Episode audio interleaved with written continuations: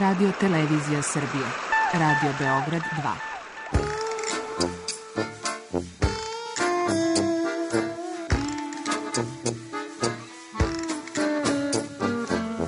To rekli su mi, gospodine, vi ste promašili temu. Pa ja sam onda promašio život. I ne znam šta će da bude sam. Kaže, ja ne mogu više te čuvam. Šta da ti radi? Kaže, snađi se kako znaš. Mi smo kao u kafesu. Za nas to je najmrtvo. To je mrtvo za nas. Naročito. I ja bih želela neko da me usvoji. Da bih želela. Govori da bih te video. Program dokumentarnog zvuka. Kad se poznajem sa ljudima, ćao, ja sam Danka, čime se baviš? Bavim se savremenim cirkusom. Tan, tan, tan.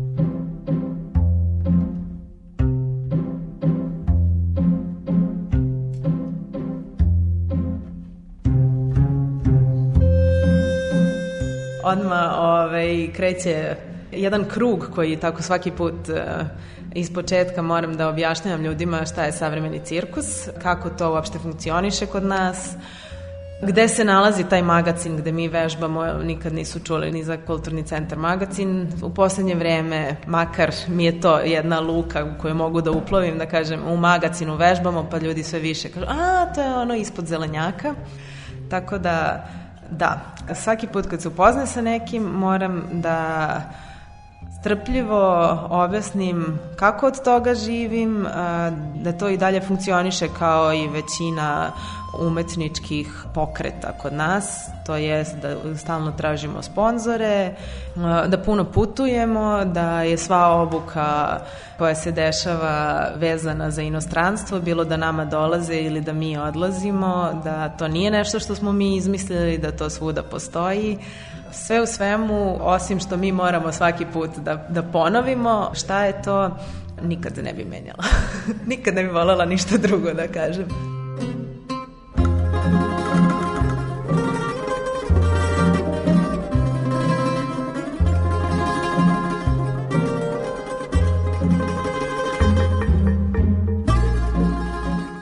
Tradicionalni cirkus, to je ono što svi, svi pomislimo na tigra, lava i nekoga ko gura glavu, lavu u usta.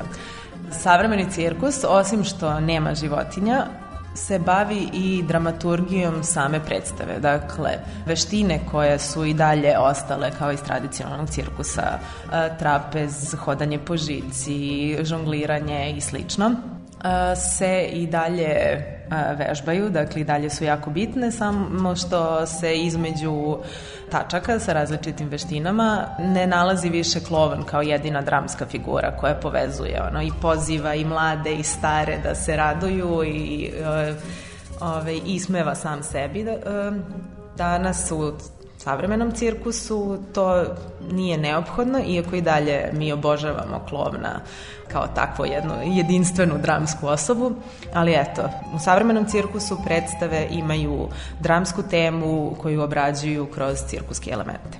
Teorija savremenog cirkusa je, pošto je i savremeni cirkus prilično nova disciplina, nema, nemamo još uvek toliko teorije, pogotovo ne na srpskom jeziku, dakle jedino što smo nalazili je bilo na engleskom i ono podsjeća na pozorište, ali i dalje ima totalno svoj stil i, i nekako svoje jedinstva. Savremeni cirkus može da se dešava i na pozorišnoj sceni, ali i dalje se dešava i u šatoru, koji u stvari je najčešće kružnog oblika, to jest publika sedi u obliku potkovice ili kruga, zavisno od same organizacije cirkuskog šatora koji mi sad smo jako srećni, ali smo kupili prošle godine svoj prvi šator, tako da je ovaj, to bio jedan uspeh za organizaciju.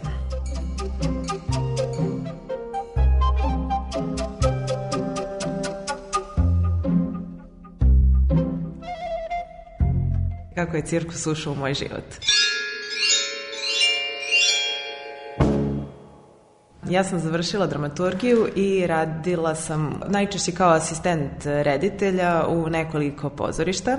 U nekom trenutku sam se malo bila razočarala u a, mogućnost života od pozorišta i prešla sam, imala sam tu priliku da se zaposlim kao organizator kancelarije, to je sekretarica u jednom preduzeću.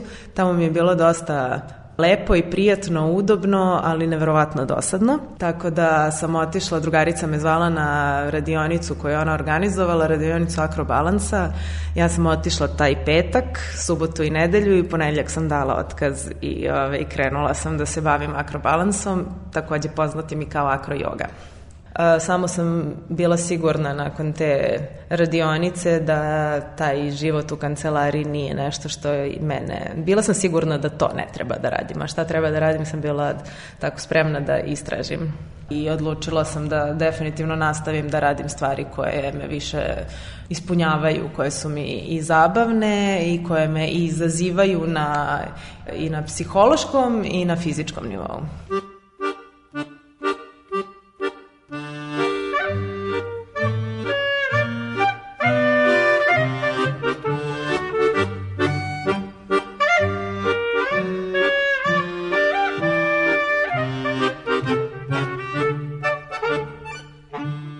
Te radionice ja sam polako krenula tako da, da treniram, da se vraćam u recimo sad vode umetnosti, kako to svi vole da kažu. Ponovo krećem da radim pomalo u pozorištima. U tom periodu sam dosta radila u pozorištu Pinokio sa lutkama i tad sam i krenula na jedan neobičan program specijalizacije za lutkarsku režiju u San Petersburgu. Tamo smo radili na njihovoj akademiji sa jako poznatim njihovim profesorima. Ja sam, nažalost, uspela samo prvi semestar tamo da završim. Tad smo najviše radili teatar ruku i to jest lutkarsko pozorište bez lutke. To su sve ljudi koji su bili završili akademije baš za lutkarstvo, ne kao što je slučaj kod nas gde glumci imaju možda jedan semestar na akademiji lutkarstva, ako i toliko, sad ja ne znam. Tamo je to četiri godine se ide na redovne studije samo za lutkarstvo. Ovo je dakle bilo uh, specijalizacija za ljude koji već imaju iskustva, koji već znaju šta je samo lutkarstvo, kako se vodi lutka, kako joj se daje život. I ceo program je bio koncipiran tako da se podstakne što kreativniji rad sa lutkama i što kreativnije kreacija lutke same, tako da ne bude uvek to jedna čarapa, nego da onda šta sve ona može da bude. Ok, imamo od čarape do marionete neverovatnu količinu Uh, nevrovatna različitost lutki koje mogu da budu i ovde smo tako išli jako polako, od senke do čarape je bilo već, ja to zovem tako čarapa da bi bilo jasnije, naravno sta lutka ne zove čarapa. tako da je tu bilo dosta zabavno, eto ja sam uh, završila taj deo sa pozorištom Ruka, gde se uglavnom šakama ili eventualno rukama do laktova proizvodi jedna magija koja je moguća tako samo u pozorištu. E, kao, znate, na primjer, kada imate onog nek, neko ko, kome možete uvek da pročitate na faci šta misli. E pa tako ruke krenu da, da odaju svoje misli. To je tim nekim gestovima i raznoraznim pokretima i na taj način onda se otkriva prvo smo radili solo, dakle da svako sa svojim rukama ispriča neku priču, onda smo krenuli u grupe i u stvari svi smo postali za tih mesec dana dve ruke.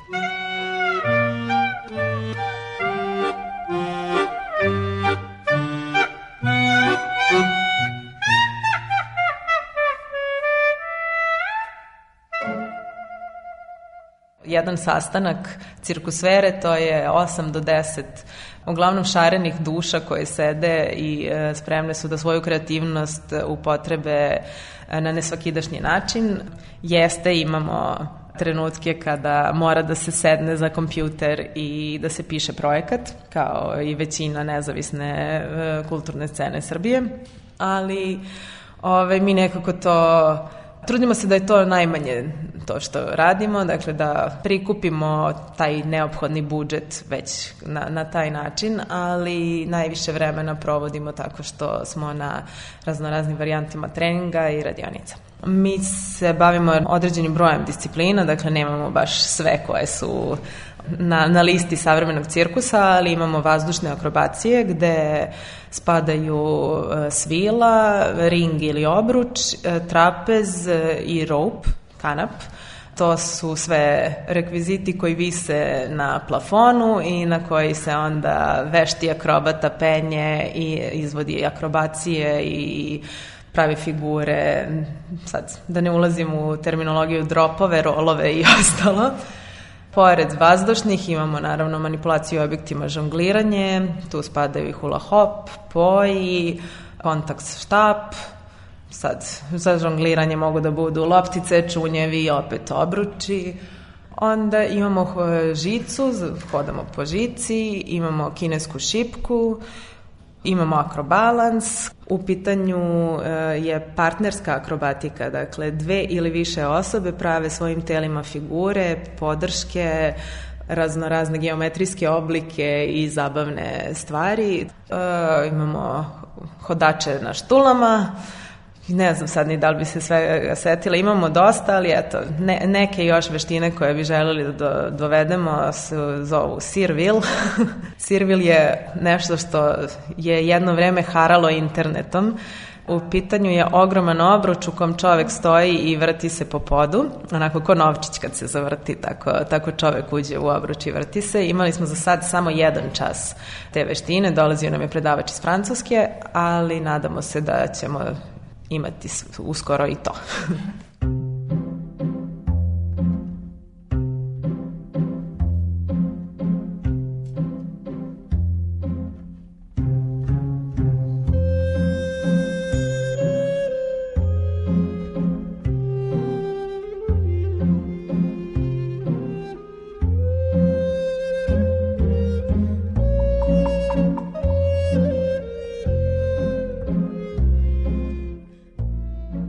savremeni cirkus je nešto što je jedna umetnička forma koja je e, nova i raste i e, ima sve veću snagu i sve veći broj ljudi koji se bavi savremenim cirkusom.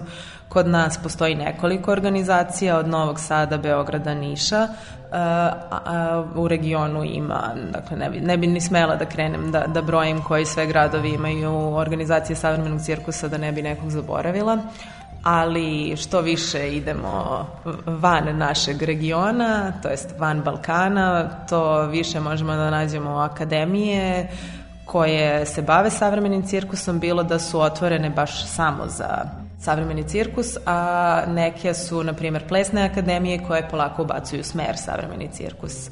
Tako da je to jedno visoko obrazovanje u sferi cirkusa je nešto što mi još uvek ne možemo mi iz cirkusfere možemo da ga zamišljamo i da maštamo o njemu, ali za sada smo uh, mi organizatori raznoraznih radionica i edukacija koje na, još uvek dakle, nisu, nismo postali zvanična škola.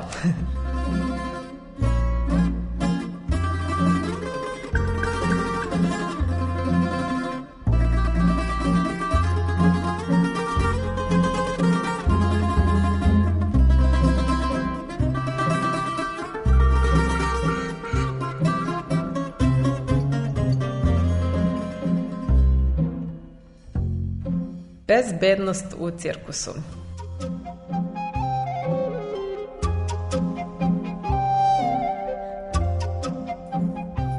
Eto, tokom svih tih projekata koje mi pišemo, mi uvek odvajamo jedan deo budžeta uh, za opremu. U tu opremu, osim uh, novih karabinera i ostale opreme koje, uz pomoć koje visimo sa tog plafona koja mora da bude besprekorna, uh, U tu opremu spadaju i raznorazne strunjače, doskočišta, kako god to sad da nazovemo.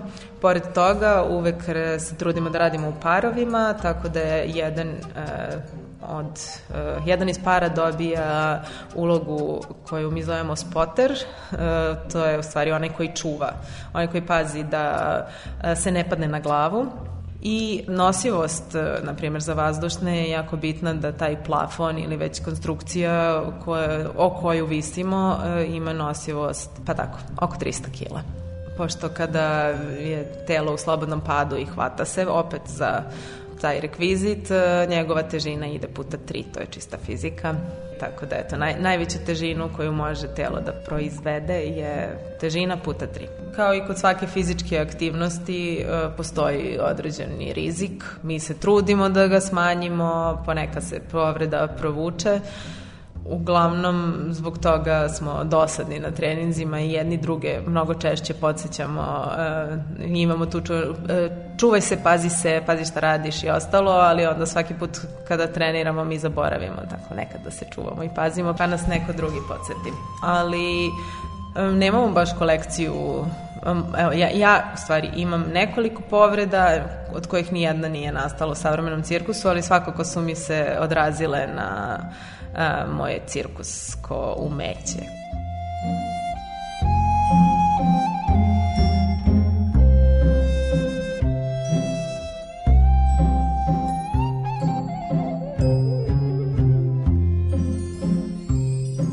Fizikalna terapija nakon operacije kolena.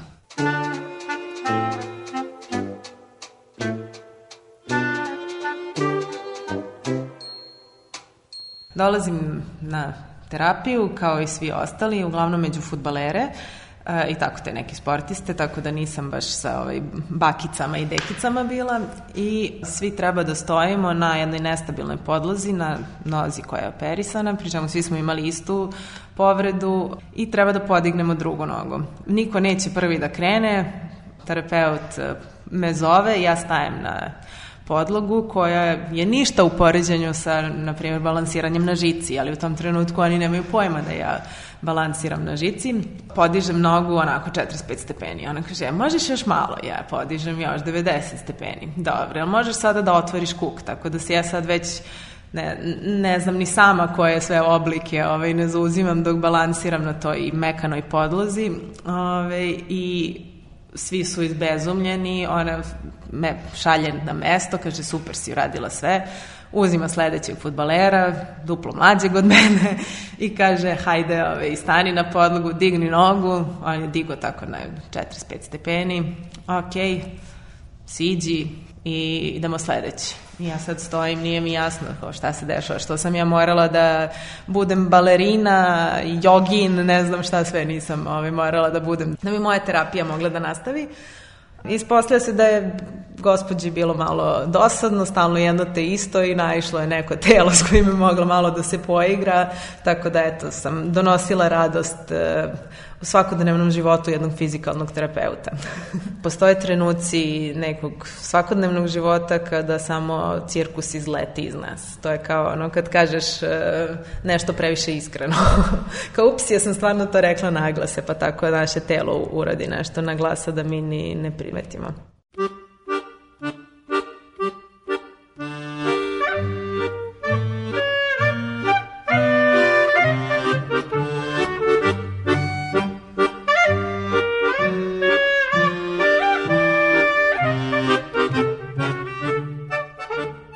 Povreda, ja mislim da je posledica te neke ambicije da budem što bolja, da, da proširim svoje a, mogućnosti, da ne, ne da pratim ne, nešto što mi deluje zabavno bez obzira da li sam spremna ili ne to da uradim. Tako da sam eto u jednom trenutku pokušavajući taj kobni salto unazad iščašila koleno, kasnije je to došlo, dovelo i do pucanja ligamenata. Išla sam naravno sve kod doktora i ostalo. Moje noge su u tom trenutku bile toliko jake da sam ja hodala i be, bez štaka, iako sam imala pokidane ligamente. To mi nisu verovali, tako da sam ja na kraju privatno otišla i snimila meko tkivo, to jest ultrazvuk kolena, posle i ove magnetne rezonante. I tu su se svi dalje čudili kako je u stvari moguće da je mišić preuzeo toliku funkciju za rad kolena. Bez, jako brzo sam završila sa operacijom i krenula u rehabilitaciju. Sad, u jednom trenutku sam mislila da nema više za mene ovog cirkuskog e, života, da tu mogu da budem samo čata u kancelariji. Međutim, nekako upornost i, i odlučnost me je dovela do toga da sve više opet mogu i, i da u stvari pre neki dan sam pred jednom od polaznica rekla kad smo pitali pa dobro jel sad sve možeš? Kao i pre ja sam rekla naravno da ne mogu ne mogu da skačem, ne mogu da trčim i tako, jako me boli, mogu par puta da skočim i to je to. Uh, jedna polaznica je, stala izbezumljena, ona već godinu dana trenira kod nas i nije imala pojma da ja uh, ne mogu da trčim ili da ja ne mogu da, da se dočekam na noge i to je za nju bilo veliko iznenađenje, tako da ne vide se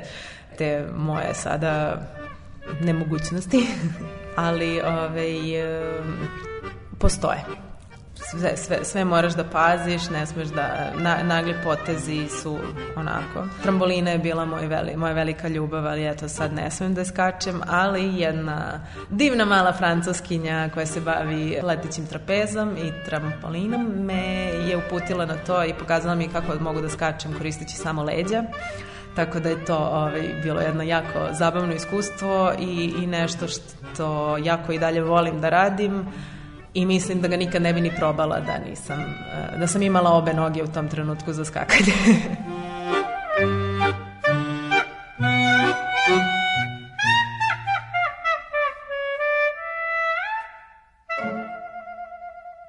pomisao na to da sad moram da menjam sve i da tražim novi životni poziv i ostalo je bila prilično strašna, Ove, I ja sam se baš trudila da o tome i ne razmišljam previše, nego sam se fokusirala na oporavak. Ali u svakom slučaju e, definitivno je bilo pitanje kako kako dalje, šta onda ostaje. Čak u jednom trenutku sam krenula bila da istražujem e, šta je neophodno da bi bio e, profesionalni ovo savršeno zvuči na srpskom, stajač na rukama o, krenula sam čak da, da mislim kao šta, kako bi ja mogla da se izrazim ukoliko ne budem smela da koristim nogu.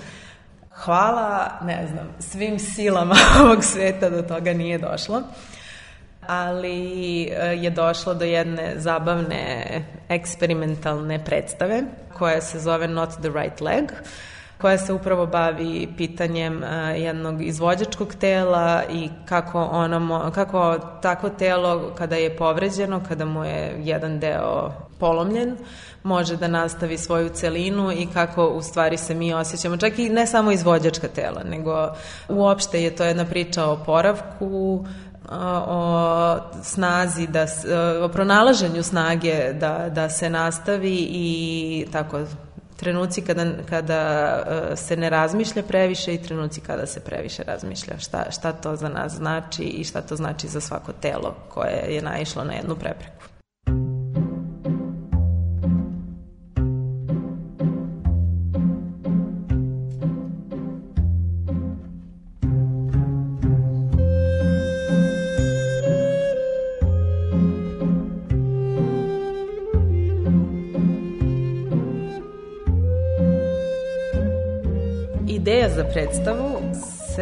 Rodila negde, na primjer, tri meseca nakon same operacije, kada sam srela rediteljku E, možda čak i prvi put kad sam ovaj, izašla bez štaka, samo sa, tad smo iz, iz zezanja sam tad nosila štap za skijanje sa sobom, pošto je bio leda, ja kao da se ne okliznem, to nikako ne bi smelo da se desi. Ove, I ja sam tad naletela na svoju drugaricu, takođe i rediteljku upakovanih i Uh, rekla joj da sve, sve kako mi se dešava je jednostavno neverovatan materijal sa ogromnim dramskim potencijalom i onda smo krenule da tražimo raznorazne projekte, rezidencije i slično da bi ne bili dobile mogućnost da razvijamo tu temu. Francuski institut nam je izašao u susret i na dva meseca nas poslao u Pariz tokom e, maja i juna. Ove godine smo bile u Parizu u Cité des Arts uh, rezidenciji. To je bilo jedno neverovatan, neverovatan događaj u mom životu. Predstavu smo podelili na nekoliko segmenata. Najviše volimo da to zovemo, da im dajemo imena onog rekvizita za pomoć koji imam u tom trenutku, tako da smo ga podelili na scenu sa hodalicom, scenu sa štakama i scenu sa štapom. Ana Popović i ja smo puno vremena provele istraživajući u stvari šta moje telo i dalje može da uradi u odnosu sa rekvizitima kao što su hodalica, štake i štap.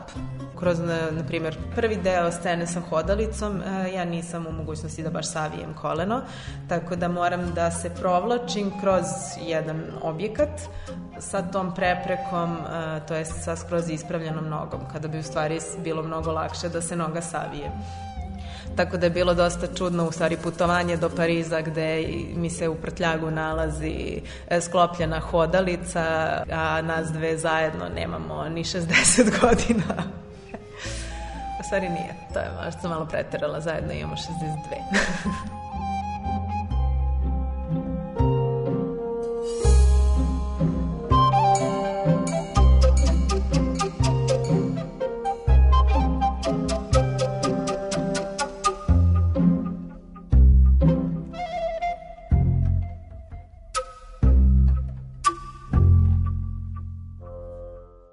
cirkusu kod nas svake godine imamo jedno desetak učenika, e, neki ostaju sa nama par godina, tako da se i ponavljaju iz škole u školu, neki postaju tako asistenti na treninzima redovnim, a neki bome kreću i da ozbiljno nastupaju sa nama, a neki prete da će i dobro da nas prestignu, da idu te ozbiljne cirkuske škole i mi jedva čekamo da im poželimo srećan put.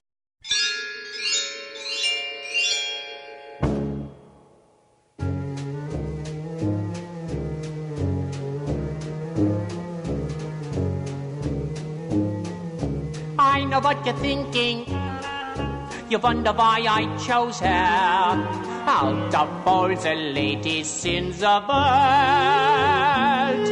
It's just a first impression. What good's a first impression? If you knew her like I do, it would change your point of view.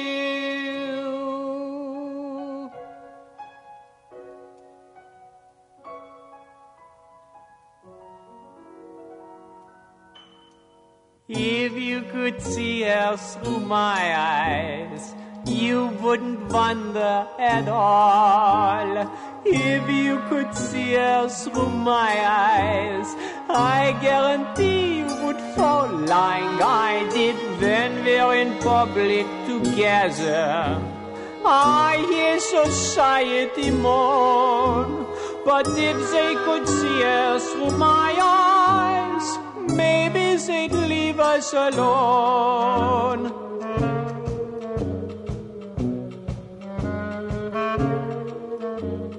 How can I speak of her virtues?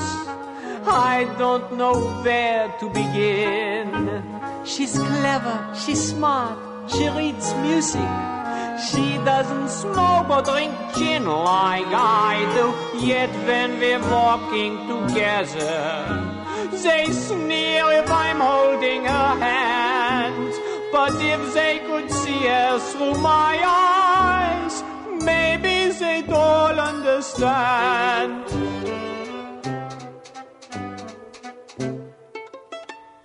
U reportaži Savremeni cirkuzanti govorila je Danka Sekulović. Ton majstor Ognjen Škrbović, autor Milena Radić.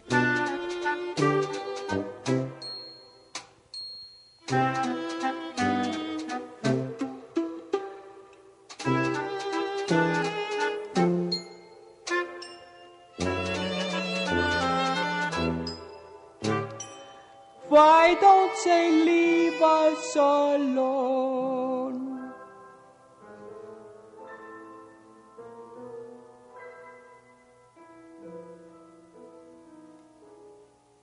Meine Damen und Herren, Mesdames et Messieurs, Ladies und Gentlemen, I ask you, is it a crime to fall in love?